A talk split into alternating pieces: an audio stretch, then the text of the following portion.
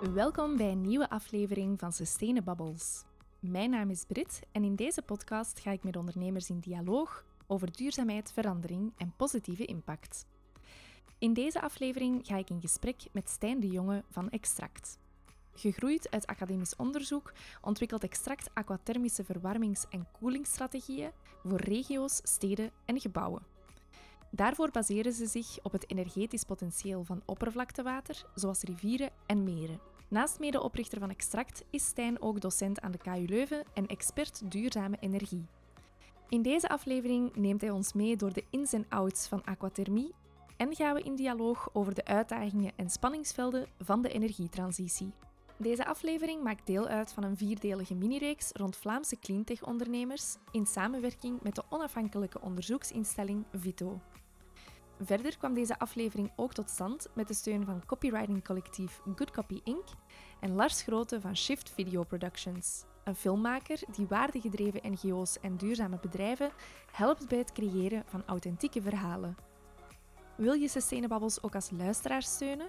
Trakteer ons dan net als Laura, Margot en Katrien op een spreekwoordelijke koffie via Buy Me a Coffee en of deel deze aflevering via social media, zodat nog meer mensen de podcast ontdekken. Veel luisterplezier!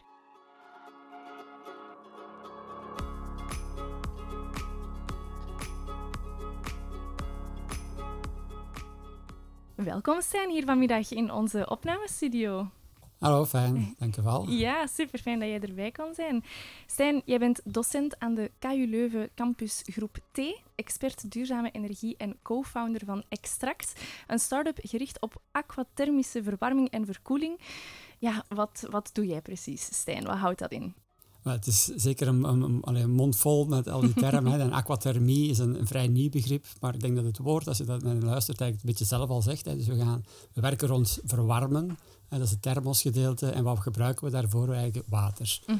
En we gaan niet gewoon water gaan gebruiken, maar eigenlijk gebruiken we rivieren, meren, kanalen. Dus al het oppervlaktewater dat beschikbaar is, is voor ons een ideale bron om energie uit te halen en proberen daarmee op een duurzame manier huizen te verwarmen en eventueel te koelen. En dat is eigenlijk ook mijn onderzoeksdomein geweest hè, als docent aan de KU Leuven. Mhm. In het energetisch gaan bepalen wat de echte inhoud, energetische inhoud is van oppervlaktewater. Mm men kende aquathermie wel al, maar men wist eigenlijk niet heel goed welke, welke functie dat, dat kon hebben in een energietransitie. Mhm. En eigenlijk op dat, op dat vraagstuk, op, op die vraag, ben ik uh, proberen te gaan onderzoeken samen met uh, twee studenten die dan ook mee uh, eigenlijk extract opgericht hebben. Okay. En dus hebben we dat eigenlijk heel goed in kaart proberen te brengen. En hebben we een, een fysisch model gemaakt om heel mooie kaarten en, en potentieel scans te maken. Mm Maar als we als start-up beloofden dat er heel veel potentieel was, waren al heel, kwamen al heel snel de vragen van de klanten. Hoe, als dat potentieel er is, um, kun je ons dat dan ook uh, beschikbaar maken? Mhm. En dus hebben we ook wel als extract al een evolutie eigenlijk om ook projecten te gaan ontwikkelen waarbij we die warmte gaan onttrekken en gaan uh, leveren aan gebouwen. Mhm. En dat is dan uiteraard ook weer een goede voedingsbodem voor ons, want de praktijk leert ons dan of onze modellen correct zijn. Eventueel kunnen we daaruit dan aanpassingen doen en die nog gaan verfijnen. Mm. En eigenlijk is het een soort feedback loop die we daardoor gecreëerd hebben. Ja, ja, ideaal lijkt me dat. Ja. En mag ik jullie rol dan zien als een soort van projectcoördinator uh, om, om zo'n projecten te gaan opzetten? Of, uh... Wel, we, we, we, beschrijven onszelf al onder twee functies eigenlijk. Mhm. Enerzijds een beetje een masterplanner, um, waarbij we dus nog altijd terug op die modellering gaan ingaan en we proberen een heel goed zicht te krijgen van wat het potentieel is en daardoor een visie, een plan kunnen gaan maken. Mhm. Maar uiteraard als tweede rol zijn we echt projectontwikkelaar. Mm. En projectontwikkelaar waarbij we zelf niet de schub in de grond zetten, maar wel de coördinatie inderdaad doen om te zorgen dat uh, de juiste dingen gebeuren of de juiste werken gebeuren op een goede manier. Mhm. En een goede manier is voor ons, dat is, ik vind dat wel heel belangrijk om te vermelden, is een goede manier is in respect voor het, het ecosysteem en uiteraard ook voor het duurzame karakter van de, van de bron. Mhm. En wie zijn dan jullie klanten op dit moment? Zijn dat dan ook die steden en gemeenten waar dat die rivieren doorlopen en zo verder? Wel, die steden en gemeenten of provincies en alles, alle andere overheidsinstanties voor die masterplanning, echt mm effectief wel. Maar echt in die projectontwikkeling gaat het over uh, projectontwikkelaars die nieuwe wijken aan het bouwen zijn. Mm. En wonen aan het water is zeer aantrekkelijk. Dus daar is eigenlijk wel heel wat beweging op dat, op dat vlak. Mhm. Maar ja, zoals ik ook zei, als we een kasteel hebben, een kasteelheer die, rond, rond, die zijn kasteel heeft of een domein heeft rond een slotgracht, is een van onze klanten. Mhm, ja. ja, je zei daarnet aan van eigenlijk kennen we aquathermie al een hele tijd, maar ehm, het potentieel daarvan was nog niet helemaal duidelijk. Of hoe dat we dat precies in die energiemix moesten gaan, eh, gaan krijgen, of welke rol dat, dat daarin kan spelen. Welke plaats neemt aquathermie daarin in, in dat debat? Wel, als je daar les over geeft en je zou vragen aan, aan mensen, oké, hernieuwbare energie, wat is dat? Dan Mhm. is dat voor hen zonne- zonne-energie, windenergie. En dat is eigenlijk alle duurzame energie om elektriciteit te gaan produceren. Mhm, Als je dan vraagt, dan ken je ook duurzame technieken om warmte te gaan genereren, dan wordt het al wat moeilijker. Dan ga je soms, krijg je dan is het antwoord geothermie. Hè, Hm. Dus dat kennen vaak wel, wel meer mensen. Maar als je eens goed kijkt naar de energievraag, Mhm, dan zie je dat eigenlijk als we van al onze energievraag, dat 50% van onze energievraag voor verwarming is. mhm, 30% is ongeveer voor transport en 20% is voor elektriciteit. mm, Dus eigenlijk de grote focus, wij we focussen ons heel hard op elektriciteitsproductie, dat is die 20%. mhm, Maar eigenlijk zouden we ons moeten hard gaan focussen op die 50%, want het is daar dat echt de- nog de grootste eh, gamechangers zijn of de winsten te genereren zijn. mm, Een oplossing daarmee is, en, en daar gaat het tegenwoordig altijd over, over warmtepompen. En warmtepompen zijn mogelijk wel de bridge naar een duurzame verwarmingstechniek. mhm, Die hebben natuurlijk enerzijds een natuurlijke bron nodig. Dat kan dan geothermie zijn, dat kan de lucht zijn of dat kan oppervlaktewater zijn. mhm, En die hebben een stukje elektriciteit nodig. mhm. En die energie, die, hè, dus de elektriciteit die we hebben, die zouden we dan ook nog eens op een duurzame manier kunnen gaan maken. Als we dat eh, volledig inslagen, dan hebben we natuurlijk een 100% duurzame verwarmingstechniek gebouwd. Mhm. Hoe zit dat evenwicht momenteel? Momenteel in de verwarmings zit er ongeveer een 10% van onze verwarmingsvraag wordt op een duurzame manier gedaan. Aha. Dus en 50% van onze totale energie. En daarvan is nog maar één tiende Mhm, op een duurzame manier, nog negen, negen tiende moet, moet nog aangepakt worden. Mhm. Dus we staan nog voor echt een grote uitdaging om eh, wel, dan mag je zelf de target gaan zetten, 2030, 2050, mhm. om dat echt eh, te laten toenemen. Mhm, mhm. Ja, dat is eigenlijk bijzonder dat eh 90% van het publieke debat dan eigenlijk gaat over iets wat dat niet onze grootste energienood is. Ehm, ja, hoe, hoe, hoe komt dat, dat dat zo onevenwichtig lijkt, als ik dat zo mag zeggen? Het, is, bedoel, het is zeker niet onlogisch hè, dat dat gebeurd is, omdat enerzijds eigenlijk is elektriciteit naar vraag, hè, naar Mhm. hoeveelheden, is, is verwarming inderdaad wel de meest dominante. Maar elektriciteit is wel de meest waardevolle energievorm. Is eigenlijk een zeer waardevolle energievorm. Dus men heeft zich daar heel hard op gefocust. En het is gemakkelijker om elektriciteit te gaan produceren en die dan ergens naartoe te gaan brengen. mm, Want we hebben al een zeer mooi elektriciteitsnetwerk gelegd. Dus als je ergens een bron hebt, iets kan gaan genereren, zeg maar een zonnepaneel, een windmolen, mhm, dan kan je die gemakkelijk aankoppelen aan een bestaand warmte, aan een, aan een bestaand elektriciteitsnet en daarmee transporteren naar, naar iedereen mhm, ehm, ja, en naar, naar elk huis. mhm, Voor verwarming, ja, daar, daar heb je het nadeel als je dat gaat doen. Dan moet je, als je wat, alles wat je produceert, moet je onmiddellijk in de buurt direct gaan gebruiken. Dus je moet eigenlijk, ofwel moet je heel goed kunnen gaan stockeren, ofwel moet je dat kunnen produceren waar dat een nood is. mm. En die match is nog niet zo, is, was minder evident om te gaan doen. En men heeft daar ook dat een beetje later eh, beginnen op focussen. Het is Ja. eigenlijk een mo- veel moeilijker vraagstuk dan elektriciteitsproductie. Mhm, ja. Op die distributie gaan we misschien straks ook nog Ja. eh, wat verder doorgaan. Ja. Ehm, maar eventjes om terug te keren op die warmtepomp. Volgens de, volgens de Vlaamse overheid is dat inderdaad samen met warmtenetten een van de meest efficiënte eh, oplossingen, of eh, ten- tenminste meest energie-efficiënte en toekomstgerichte verwarmingsoplossingen. Specifiek nu over aquathermie. Welk aandeel van de warmtepompen werkt momenteel met, met die technologie? Ehm, ik kan er eigenlijk geen getallen plakken, maar dat is zeggen 0,0% of 0,01%. Oké. Nee, het, is, het, is echt, het is echt nog een heel, heel, heel nieuw, nieuwe techniek. Mhm, Ehm, waardoor het eigenlijk, het is echt, we staan echt in onze in de kinderschoenen. We, we zijn, we zijn met extract echt daarin aan het pionieren. mm, Ehm, zelf heb ik, allee, heb- ben ik eigenlijk daar onderzoek beginnen aan doen ongeveer een zeven, achttal jaar geleden. mhm, Dan heb ik echt moeten vechten tegen de bierkaai. Om, om gewoon al geloofd te worden dat daar, dat daar iets mee kon gebeuren. We hebben heel gelukkig, doordat we vanuit de universiteit dat beginnen grondig gaan, gaan bekijken zijn, hebben we heel snel het potentieel kunnen gaan bepalen, Mhm. waar iedereen heel verrast van was. En dan begon men dat aan te aanvaarden, maar dan kwam het ongeloof, maar ja, gezegd wel dat er potentieel is, maar dat is niet rendabel, dat is niet efficiënt en zo Mhm. verder, om dat er gaan uit te halen.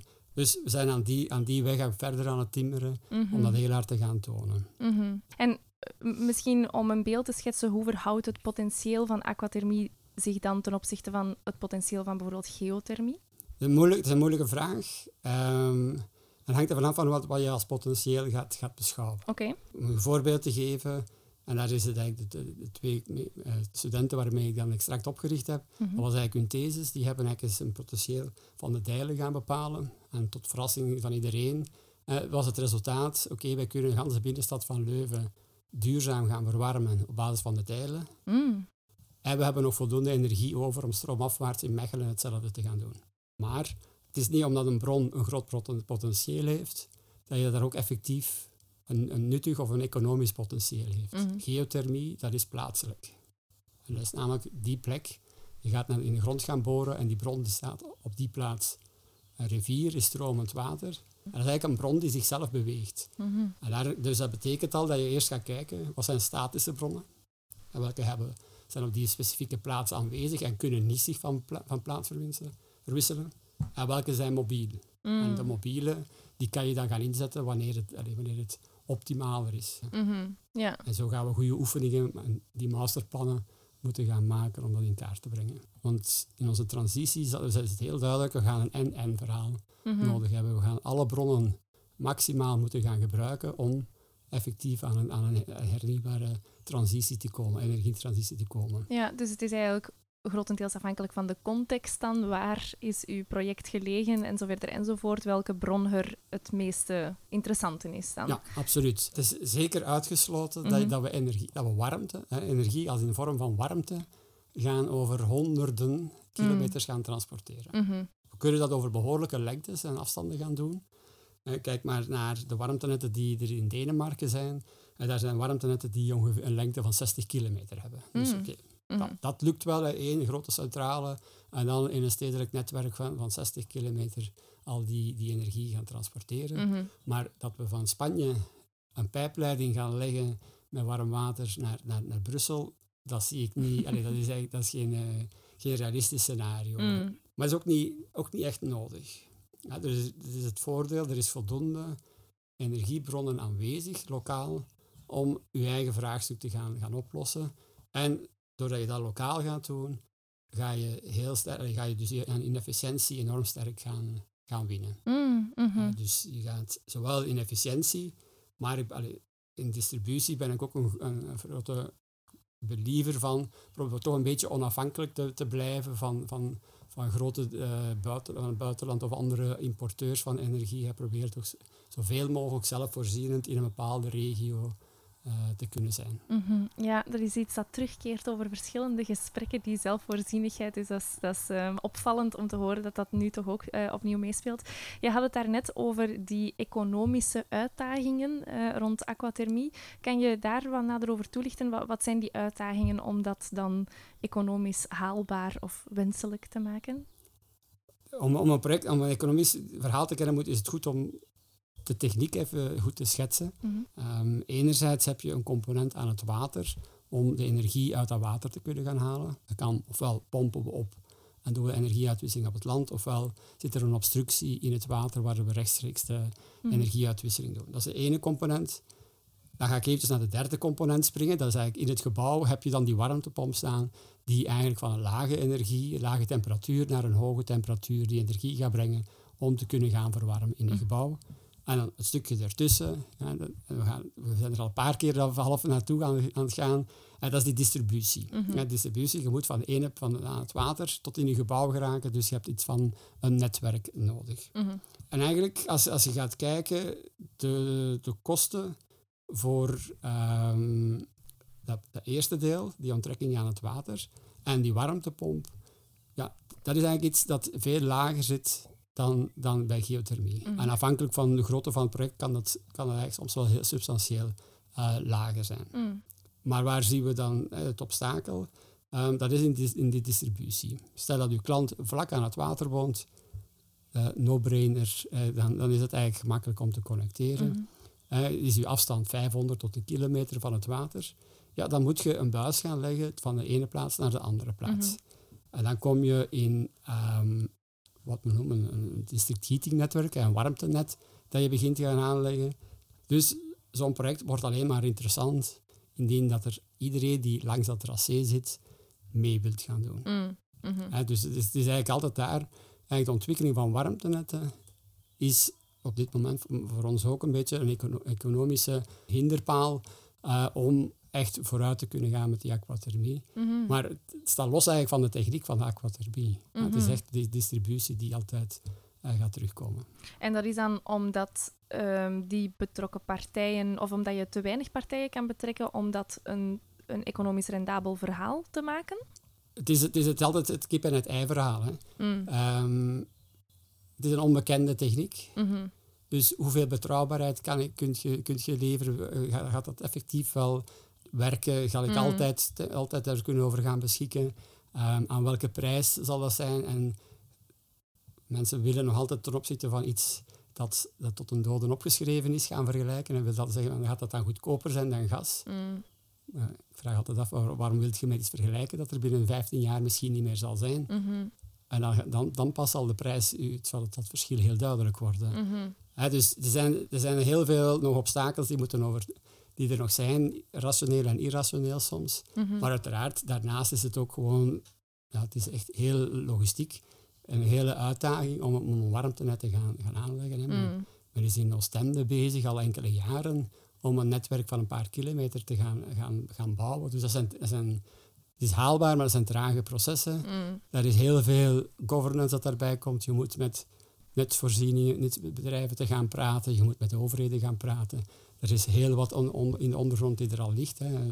Rioleringen, eh, internetkabels enzovoort. Mhm. Dus je moet je tracé daartussen gaan vinden. Mhm. Dus het maakt, wel, maakt het wel wat, wat complexer. Mhm. Wat betekent dat specifiek voor jullie projecten? Hebben jullie dan nu projecten waar jullie nog volop bezig zijn aan die warmtenetten te ontwikkelen? Of zijn er ook al zaken waar eh, ja, aquathermie al in gebruik is? Of wat moet, hoe moet Ja. ik mij dat voorstellen? Wel, waar, waarbij, waar we nu op proberen op te focussen, is, is eigenlijk op al die projecten waarbij de klant of het gebouw rechtstreeks aan het water hangt. Mhm. Ja, dus eigenlijk echt waarbij je, als je een warmtenet gaat ontwikkelen, dat het bijna naast je deur passeert en dat je een buislengte van, van 50 tot 100 tot 200 meter Mhm. nodig hebt en die gaat over een privédomein. Mhm. Daarmee kunnen we heel duidelijk aantonen wat het potentieel is van de techniek. Hè. Van dat eerste en dat derde component, die zijn dan bijna rechtstreeks met elkaar gekoppeld. En mensen gaan zien dat, dat, dat die eigenlijk heel vlot werken. Mhm. Dat wil niet zeggen dat, dat we niet in voorbereiding zijn van grotere zaken. En we zijn momenteel bezig in Antwerpen, waarbij we een vrij groot stadsnetwerk gaan, gaan voeden op basis van de Schelde. En dan gaat het wel al over een paar honderden meters aan leiding die er gaan, er gaan lopen en een twintigtal gebouwen die daarop gaan geconnecteerd worden. Oké, een ambitieus project. Dat is eh, Ja, absoluut. En daarmee gaan we denk ik heel duidelijk kunnen aantonen wat de rol van aquathermie kan zijn. oké. Ja, laat ons die rol ehm, eens een beetje breder trekken, of die discussie rond duurzame energie, hè, want daar is best wel wat eh, rond te doen als we dat in het publieke debat tegenkomen. Telkens wanneer dat er eigenlijk zo, of dat is toch mijn perceptie, een nieuwe energiebron in dat debat komt, lijkt dat de nieuwe grote oplossing en hè, de, de meest veelbelovende techniek van deze eeuw, tot dan over een paar jaar er toch eh, obstakels beginnen te komen. Of hè, bijvoorbeeld zonnepanelen eh, die een enorme sociale en milieukost met zich meebrengen, ehm, batterijen die niet kunnen gerecycleerd worden, eh, windmolens die gevaar vormen voor het onderwater of het luchtleven. Ik denk dat we zo kunnen blijven doorgaan. Hoe, hoe kijk jij naar die tendens of die, ja, die, die evolutie in die nieuwe energiebronnen die er telkens bij komen? Ik denk dat dat onvoorkomelijk is. Ehm, en ik denk dat we moeten heel goed beseffen en iedereen voor zichzelf uitmaken. Ehm, heb, is, ben ik een stap vooruit of eh, ben ik een stap achteruit of stilstand? En dan zolang als je vooruit de indruk hebt dat je, dat je een stap vooruit bent, dan moeten we die stap gaan nemen. Mm. Dat wil niet zeggen dat, dat je niet systemisch moet gaan nadenken van waar, waar, waar zit mijn, waar zit mijn uh, impact. En we hebben dat ook uh, heel duidelijk bij, bij, bij aquathermie gedaan. En we, we, doen dat zelfs op, in een speelveld die heel veel onzekerheid heeft. Wat bedoel ik daarmee? Je kan, in ons geval, ik kan in Vlaardem gaan kijken. En daar moeten we, dat is eigenlijk het wetgevend kader waarin dat wij moeten gaan werken. En dat, mm. dat is uiteraard, de Vlaardem-wetgeving is gemaakt op basis van, van de huidige kennis. Mm -hmm. En daar staat ergens uh, bepaalde richtlijnen in. Maar die zijn, zeer, die zijn zeer onduidelijk. En die zijn zowel onduidelijk voor de projectontwikkelaars, maar eigenlijk evengoed nog voor de overheid. Hoe, hoe, moeten we dat juist interpreteren? En we gaan dat uiteindelijk niet uit de weg. We proberen samen met hen daar meer inzicht in te komen. Mhm. En gaan we, hebben we een comité integraal waterbeleid opgericht, waarbij hè, de Vlaamse Waterwerk, de Vlaamse Milieumaatschappij aan tafel zitten. En hebben we zowel hun bezorgdheden heel duidelijk begrepen, en hebben, we, hebben zij ook heel duidelijk begrepen wat er in onze modellen zitten mhm. en wat er daar als resultaat uitkomt. En kunnen we dat geloven of is dat ook maar is dat proberen een soort van greenwashing en we kunt, uiteindelijk kun je met, met vergelijkingen ook alles gaan doen mm. om er een uitkomst te laten geven. Dus we hebben ook wat vertrouwen aan elkaar moeten winnen van oké, wij, wij bekijken dit zo en als we dat dan simuleren is dat dat eruit komt. Mm-hmm. En ik vind het onze plicht ook als, als, als onderneming, maar eigenlijk ook gewoon als maatschappij, als we dat dan mogen gebruiken, dat water, dat we dat dan ook op een goede manier kunnen teruggeven. Mhm. Wij kunnen aantonen, kijk, we gebruiken de energie, we brengen dat water terug. Dat is de lokale impact. Dat is de impact na 50 meter, na 100 meter, na 200 meter. Mhm. Om te kunnen aantonen van, oké, gaat dat ernstige gevolgen hebben? Misschien heeft het zelfs soms wel positieve effecten, hè, want we gaan soms kouder water teruggeven. Mm Dat is wel interessant, want dan kan er misschien meer zuurstof in komen enzovoort. Dus mm. er zijn sommige effecten die, die interessant kunnen zijn, ook voor het ecosysteem. Het is niet alleen negatief, maar soms kan het ook een positief effect hebben. Mhm. Maar gewoon dat we daar eigenlijk met hen in gesprek kunnen gaan en samen een lerend traject hebben aangegaan, maakt het mij wel dat ik voel dat we de voorbeelden die je daarnet aangaf van we gaan binnen tien jaar misschien terugkijken van wat voor een dom idee was dat. Mm. Voel ik mij vandaag wel gesterkt dat het voor een langere termijn, of zeker of eigenlijk voor een, op een duurzame manier wel zal, zal kunnen gaan ingezet blijven. Mm. Wat ik uiteraard, en dat is ook een vraag die ik in onze, in onze domein altijd krijg, maar met opwarming zal er dan nog wel water zijn? Dat hoop ik wel, maar daar kan ik uiteraard ook geen garanties op geven. Daar kan niemand garanties op geven. Mm. Maar wij hopen dat we, doordat we op een duurzame manier dat water gaan gebruiken, dat dan ook de evolutie die we hier gaan hebben op, in lokaal, dat die zo zal zijn dat de huidige toestand op zijn minst kan bewaard blijven en dat we hopelijk een verbetering krijgen. Ja. ja, ik vind dat inderdaad ook heel bijzonder aan jullie verhaal, dat jullie zo actief de dialoog met de overheid hebben opgezocht en met instanties die inderdaad aan milieubeheer doen wat water betreft. Is dat een gebruikelijke aanpak bij de ontwikkeling van duurzame energiebronnen of technologieën? Mm, ik ben niet op alles van op de hoogte, maar ik denk niet dat dat een effectief een heel, een heel uh, courante aanpak is. Mhm. Misschien is dat een stukje mijn academische neiging of een, academische kant dat, mhm. dat dat zegt. Maar ook aan de andere kant mijn maatschappelijke kant. En ik denk dat, en dat komt dus ook, ook uit mijn ervaring, ik ben heel actief geweest in, in Leuven 2030, mm hè, waarbij de stad Leuven klimaatneutraal wil zijn, waarbij men eigenlijk ook van de quadruple helix uh, methodiek uh, vertrokken is. En ik denk dat dat eigenlijk nog de beste manier is om eigenlijk met iedereen aan tafel te gaan zitten. Mhm. Ook degene die het meest kritisch naar je project zal kijken. Mm confronteert die er mee, brengt die in contact met wat, wat je denkt, om dan eventueel kunnen aanpassen en samen te gaan zien wat er mogelijk is. Mhm.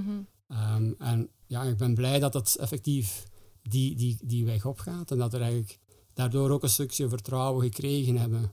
En dat is goed voor ons als start-up ook dat geeft ons potentieel, geeft ons credibiliteit mhm. naar, naar onze projecten. Maar, en dat vind ik helemaal niet erg, ik weet ook dat we heel veel werk aan het doen zijn, hè, pro bono, voor um, hele projectontwikkelaars die staan te wachten.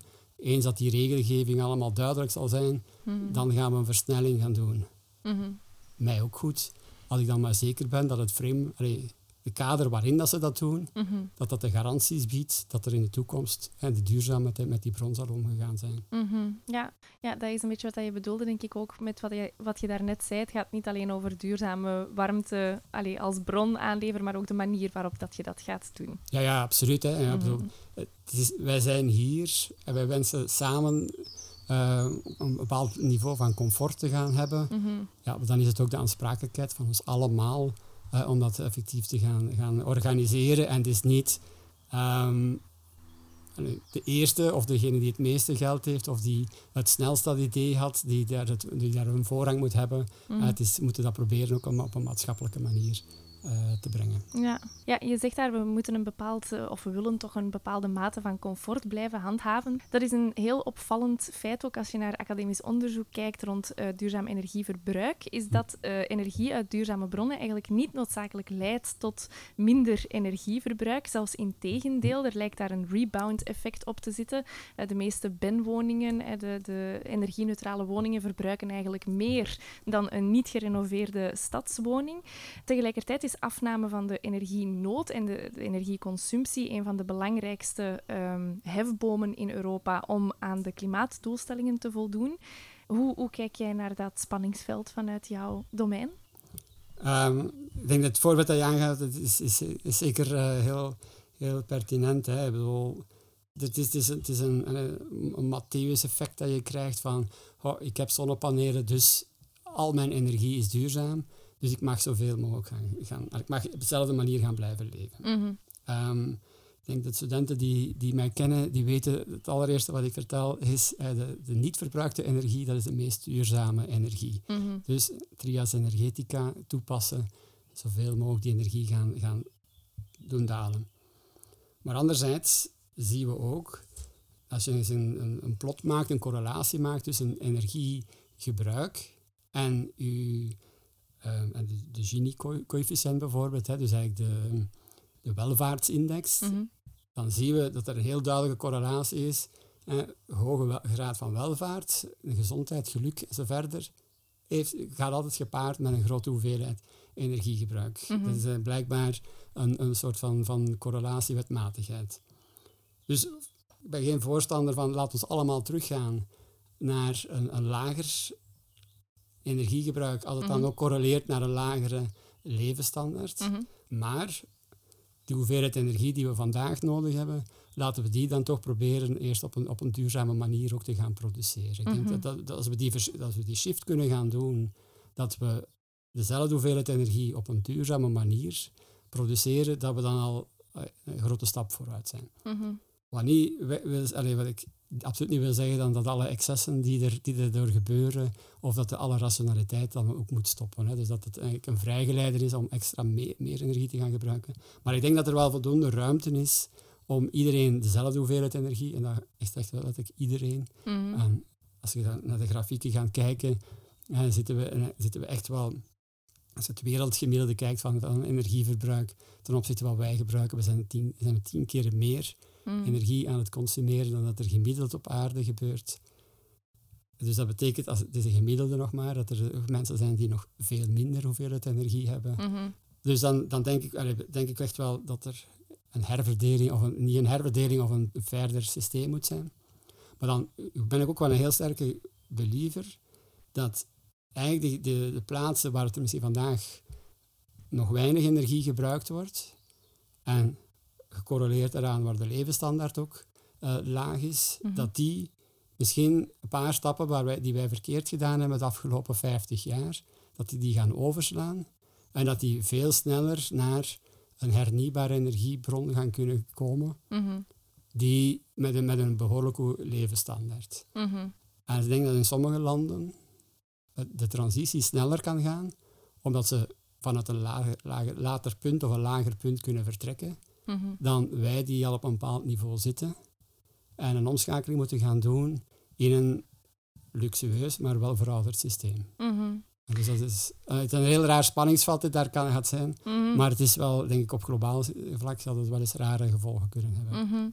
Ja, wat ik me dan afvraag is welke rol dat je daar als producent of als projectontwikkelaar in kan spelen. Dat is, dat, is, heel- dat, is, dat is heel moeilijk. En ehm, daar, daar, daar worstel ik altijd mee en, en, nog altijd mee. En dat was zeker ook waar ik bedoel, eh, toen we de start-up opstarten, dan hebben we dat effectief, en nog altijd een beetje, hè, we hebben dat effectief gedaan vanuit een ideologie. Mm. En we wilden die ideologie zeer sterk goed gaan vasthouden en dat was ons, echt ons drijfveer. Um, maar die, je zit dan ineens in een start-up en dan kom je in een economische realiteit. Mm. Waarbij dat je soms de valkuil kunt hebben van, ik, wat is nu het belangrijkste? Ik heb, eh, we, zijn, we zijn met drie, we zijn met vier, we zijn met vijf. En eigenlijk hebben we allemaal graag een boterham met choco erop. Mm En dus soms eh, heb je de reflex om te veel te denken van, uh, elk project, als dat maar geld opbrengt, dan is het oké. Mm. En toch moet je dan heel allee, vaak eens terugdenken van, maar wat is onze ideologie? Mhm. Wat willen we eigenlijk? En dan is het werken aan, aan een goed regelgevend systeem, dat is misschien wel wat we eigenlijk willen doen. Mm. Ehm, en dat is, ook, allee, dat is ook opnieuw de reden waarom dat ik echt uh, blij ben dat we Extract opgericht hebben. Want ik had heel goed dit vanuit, vanuit de universiteit kunnen verder doen. Mhm. Ehm, maar dat geeft een heel andere, een heel andere dynamiek. Dus mm. We zegt, op een moment hebben we gezegd van kijk, dat moeten dat buiten het academische wereld, moeten dat in de, allez, zeggen, in de reële wereld gaan, gaan zetten. Mhm. En door gewoon het te doen, samen met de verschillende actoren, gaan we veel sneller gaan, vooruitgang gaan krijgen dan enkel erover schrijven dat het kan. Mm. Het is echt dat proof of concept die, die, die, gaan, gaan brengen. Uh, we hebben uh, al echt al heel lang bezig, maar we gaan binnenkort onze demonstrator uh, klaar hebben in Leuven, waarbij mensen gaan kunnen zien wat dat is, aquathermie. Dat, dat kunnen aantonen dat dat werkt. Mm ze gaan daar kunnen, allee, elke dag naar gaan kunnen komen kijken. Ze gaan, de waterkwaliteit wordt gemonitord. Ze gaan, gaan ze kunnen zien welke effecten dat, dat, dat, dat heeft. Daar ben ik dat, dat, gaat, dat gaat een grote vooruitgang maken. Mm En daar, gaan, daar zien we ook dat effectief iedereen naar zit te wachten van oké, en als we dat daar kan, waarom niet bij mij? En dan mm. gaan we dat, dat uh, multiplicatie-effect krijgen. Mhm, oké. Ja, je hebt daar net ook al heel kort het uh, gegeven toegankelijkheid aangestipt. Um, jij had het dan over buiten onze landsgrenzen of zelfs ons continent, maar ook in België is dat een reële uitdaging, denk ik, als het over duurzame energie gaat. De mensen die er eigenlijk het meeste bij te winnen hebben in termen van besparing en dergelijke, um, hebben er vaak het minste toegang tot, uh, omwille van hun inkomsten en omwille van hun woonsituatie. Heel vaak huurders in plaats van huiseigenaars. Um, maar zelfs ook voor, voor burgers met een eigen woning blijft een warmtepomp vaak een, een hele investering. Um, ja, wat, wat, beïnvloedt die toegankelijkheid of, of hoe, hoe kijk jij naar die toegankelijkheidskwestie wat, wat die duurzame energie betreft? Eigenlijk heb, vind ik het fijn, we hebben het afgelopen jaar uh, heel hard gewerkt met de provincie Oost-Vlaanderen. Mm. Um, en in de provincie Oost-Vlaanderen uh, was men hun beleidsplan voor de komende jaren aan het voorbereiden. En wou men een, uh, ook hun energiestrategie was men aan het, aan het voorbereiden. En eigenlijk heeft men daar, naar mijn mening, een heel interessante aanpak gedaan. Um, daar heeft men gekeken van, kijk, we wensen een bepaald energieniveau te gaan bereiken. Um, en we weten dat de volgende bronnen allemaal beschikbaar kunnen zijn. dus dat gaat dan over restwarmte, dat gaat over uh, aquathermie, geothermie en andere uh, vormen. Mm -hmm. dus wat ze hebben beginnen doen, we zijn eigenlijk parameters beginnen opmaken van, van oké, hoe zit het in die regio? zijn er bronnen die efficiënter zouden zijn of die gemakkelijker zouden zijn? Dat en, en, en allerlei parameters werden, werden meegenomen, waardoor het eigenlijk een, een veel bredere evaluatiematrix was en waarbij het dan nu wel duidelijk is van oké, we wensen allemaal naar duurzaam te gaan. En als we dat allemaal moeten, dan is dat ons plan vanuit de provincie. En mm. jullie die bron, jullie die bron, jullie, het is eigenlijk een soort verdeelsvraagstuk is door hen opgelost geweest. Mhm. En dus projectontwikkelaars moeten nu naar dat plan gaan kijken, moeten zich met de provincie, eigenlijk als ze een vergunning krijgen, moet het in, in overeenkomst zijn met, met eigenlijk het beleid dat zij hadden voorzien. En zo hebben we de toegankelijkheid, eh, zijn ze aan het verhogen. Mm Dat betekent nog altijd niet dat de investeringen effectief gaan gebeuren, maar het maakt ook als een stad nu of een dorp die, die ook vanuit Vlaanderen en Europa opgelegd worden om warmteplannen te gaan opbouwen. Mhm. Oké, ze hebben nu alle tools beschikbaar, ze weten wat dat ze moeten doen, ze kunnen gaan zoeken naar de instrumenten. En dan moeten de financieringsmodellen die er, die er beschikbaar zijn. Maar dat is altijd het gekke. Hè? Als, je, als je hoort, zeg je altijd, geld is geen probleem. Mm -hmm. Dus blijkbaar, voor alles is er geld voldoende. Mhm. Maar gewoon de durf om het te gaan, gaan doen en het effectief te gaan initiëren. Mhm. Ja, en dan heb jij het alleen nu in het voorbeeld dat je gaf voor de, van de provincie Oost-Vlaanderen, wat dat denk ik een heel mooi voorbeeld ja. is, dankjewel daarvoor, heb je het ehm, vooral over de rol van een provincie, die dan een provincie daarin kan innemen is denk ik ook een beetje een gevolg van de regelgeving in België en bij uitbreiding Europa rond, rond energie, dat dat zo overheidsgebonden is. Mhm. Want als je dan kijkt naar andere landen die dergelijke regelgeving rond hey, je moet op het net aangesloten zijn, bijvoorbeeld, die dat niet hebben, daar is bijvoorbeeld peer-to-peer energie en echt democratische energie um, kent veel meer een opmars of, of neemt een veel centralere rol in. Ja, is dat hier een, een hinderpaal, die, die regulering, om zo'n systemen te kunnen opzetten? En is dat dan eigenlijk geen gemiste kans? Voor, voor warmte, als we dan terug over, we het over mm. warmte, is eigenlijk de regelgeving heel, heel eenvoudig. Mm -hmm. En niet, niet veel mensen weten dat. Maar eigenlijk, voor warmte mag je in je straat een, een lijn aanleggen en allemaal war, of één iemand maakt warm water voor iedereen die in, in, het, in, in de straat woont. Mm. Het enige wat je moet hebben is een, een, een afspraak van oké, die straat, die, of die buis die in de straat ligt, hè, die in het openbaar domein zit, ik neem de verantwoordelijkheid daarover van als daar een lek aan is, dat die zal repareren en zo mm. verder. Dus ik doe, ik doe het onderhoud daarvan. Mm-hmm. Niet veel mensen weten dat. Um, en er zijn ook veel mensen die proberen ook te zeggen dat, ze dat, dat zij enkel het recht hebben om dat te mogen doen. Hè. Dus er wordt toch wat, wat men eigenlijk bij elektriciteit heeft, is er een heel duidelijk monopolie over wie elektriciteit mag gaan, mag gaan, uh, gaan transporteren. En dat mm. monopolie is ook per wet geregeld. Hè. Dus dat is eigenlijk een, een wettelijk monopolie die gemaakt is. Mm -hmm. uh, er zijn veel dezelfde bedrijven die denken, oké, we gaan dat ook, dat monopolie hebben om dat op een, op een gemeentelijk niveau uh, warmte te gaan transporteren. En heel die, heel die dat zijn echt stoorzenders van, van, het, van het netwerk, allez, van zo'n zo projecten te gaan realiseren. Mhm. ja, want wat ik daarnet zei, als we het dan hebben over stedelijke warmtenetten, dat dat trage processen zijn, dat vraagt heel veel tijd om te gaan, gaan uh, ontwikkelen. Mhm. Ehm, dat, dat net kan nog goed opgelost worden door um, micronetjes te gaan maken. Misschien vijf, zes gebouwen aan elkaar te gaan koppelen of, of, of één straat en zo verder. Mhm. Dus men kan daar heel veel creatievere dingen mee gaan doen om dat te gaan, uh, gaan oplossen. Mhm. En door die vrijheid eigenlijk te gaan, gaan, gaan creëren, ga je, ga je eigenlijk heel lokaal initiatieven krijgen, mensen die opportuniteiten zien. Ik zeg maar, mm. ah, wij wonen met ons tienen dicht tegen de buurt van, van een oppervlaktewater. Oké, laten wij gezamenlijk investeren om zo'n project te gaan ontwikkelen. Mm. Ik vergelijk dat altijd met, ook met in Denemarken. Um, Denemarken, ik, ik als je over warmte spreekt, gaat je heel snel naar Scandinavië, want daar mm. echt wel zie je dat dat, uh, dat dat leeft. En dat is daar eigenlijk ook de evidentie bijna. Mm. En daar zie je dat, dat al die netwerken, um, dat is eigenlijk eh, bijvoorbeeld in Kopenhagen, dat is één groot net, maar er zijn subnetjes die allemaal beheerd worden door lokale corporaties. dat betekent het zijn burgers die eigenlijk samen geïnvesteerd hebben om hun netwerk te gaan, gaan uh, connecteren. Um, en je gaf het daar net ook aan van, oké, ehm, en als je dan zo'n netwerk maakt, je moet de mensen kunnen overtuigen om um, te connecteren. Mhm. of anders wordt het, niet, wordt het misschien niet rendabel. Mhm. In Denemarken heeft men daar uh, wat men noemt de heat Um, dat is eigenlijk uh, een wet waar die zegt van als er een warmtenet voor uw deur passeert, dan kan de eigenaar van dat warmtenet u verplichten om, om daarop aan te sluiten. Oké. Okay. Wat merkt men? Men heeft er nog nooit moeten toepassen, die wet. Hmm. Er is, gewoon doordat die wet er is, krijg je daar een soort van vertrouwen die er, die er, die er, hmm het zijn coöperatieve systemen, het zijn dus regionaal, ze, weten wie dat de eigenaar zijn, er is inspraak mhm. eigenlijk in de ontwikkeling van het netwerk. En de, de, garantie voor de coöperaties, we kunnen eigenlijk toch wel een klein beetje een druk zetten indien dat we wensen. Mhm. Dus dat overtuigt hen om, om verder te gaan met hun, met hun project.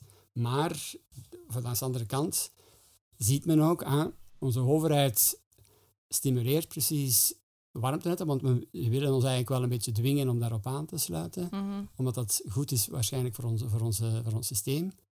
Um, dus dat is al voldoende als, als trigger om, te, om spontaan eigenlijk altijd te gaan aansluiten. Mm. Ik begreep dan nooit uh, waarom dat warmtenetten in Denemarken of in Scandinavië zo, zo populair waren.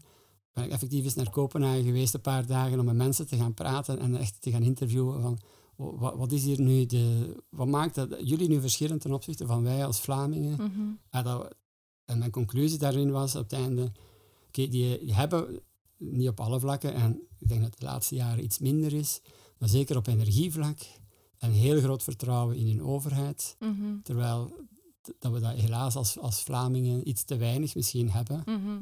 Terecht of te onterecht, dat eigenlijk in het midden. En maar eigenlijk iets te weinig vertrouwen waarin we denken, als er een wet is, gaan we eerst proberen te omzeilen in plaats van ze gaan toe te passen. Mm. En die, die verschillen, en daar zijn de redenen voor. Hè. In Scandinavië heeft men ooit een hele grote energiecrisis gehad en heeft, heeft de overheid dat op een fantastische manier opgelost en vandaar is dat vertrouwen, van vertrouwen gegroeid. Hè. Mhm. En ik denk dat we terug naar, naar dat globale vertrouwen moeten, moeten gaan. En dus een vertrouwen is eigenlijk ook een beetje een solidariteitsgevoel Mm. hebben. Hè, van het is een gezamenlijk probleem Mhm. dat we zo moeten gaan oplossen. Ja, je zegt een globaal vertrouwen, maar eigenlijk op basis van hele lokale samenwerking. Zeg Ah je. ja, ja het is, het is op, op, heel veel, op heel veel niveaus. Hè. Maar ik denk, Mhm. allee, ik denk dat we dat eh,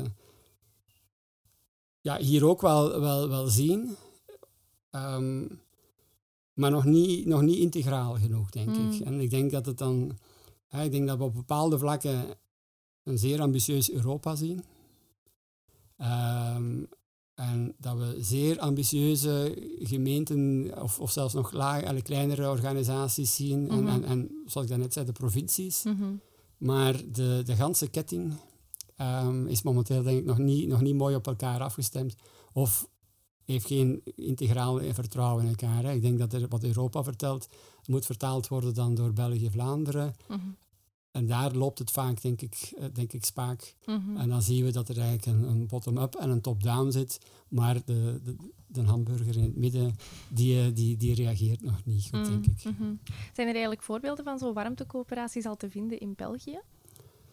Ehm, ja, er is een, daarnet wat ik zei, het, het, het netwerk in Oostende, dat is eh, de, de coöperatie Beauvant, Mhm. ehm, die, die eigenlijk ehm, restwarmte vanuit een industrieterrein naar, naar het centrum aan het, aan het brengen zijn. En dus die doen dat op een coöperatieve eh, Mm. manier. Mhm. Een, heel, een heel mooi eh, project. De, de, nu ben ik aan het twijfelen of het een gemeente of een stad is, maar de stad of gemeente Eeklo heeft ook ambities om een netwerk te gaan uitbouwen dan in, in samenwerking met, eh met EcoPower, waar ik tien jaar geleden nog de grondlegger van geweest ben van het, van het plan daarvan. Oké. Dus- dat- die, die, die komen eraan.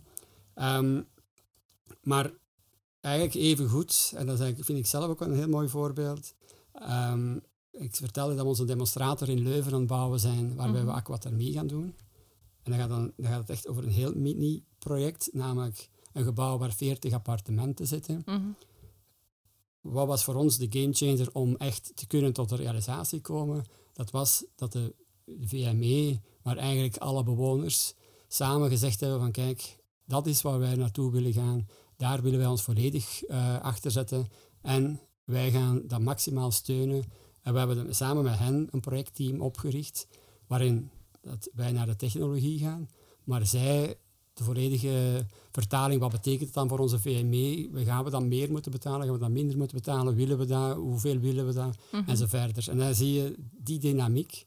En ik vind dat een heel mooi verhaal om te zien hoe dat eigenlijk burgers eh, zelf overtuigd zijn van hm, wij kunnen ook iets doen Mhm. als we ons organiseren en ons, en ons eigenlijk onze, onze neus in dezelfde richting gaan zetten. Ja. En we hebben heel veel hindernissen tegengekomen, maar dat was, op een bepaald moment was die beslissing genomen en is dat ook collectief altijd opgelost geweest. En dat was eigenlijk wel fijner en ik denk dat dat ook de enige manier is.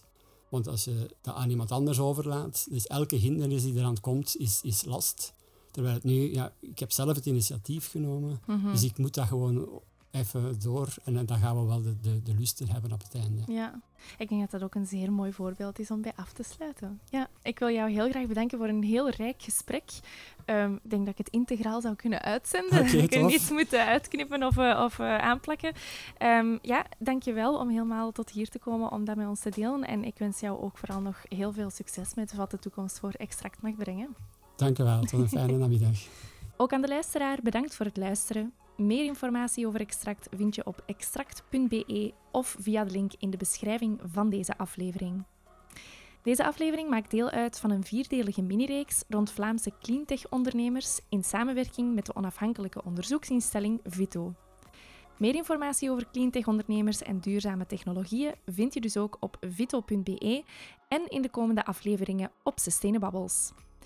Heb je vragen, suggesties of opmerkingen bij deze of een andere aflevering? Dan kan je mij altijd bereiken via mail of social media. Op LinkedIn vind je de podcast onder de naam Sustainabubbles en op Instagram onder Sustainabritly. Tot de volgende keer!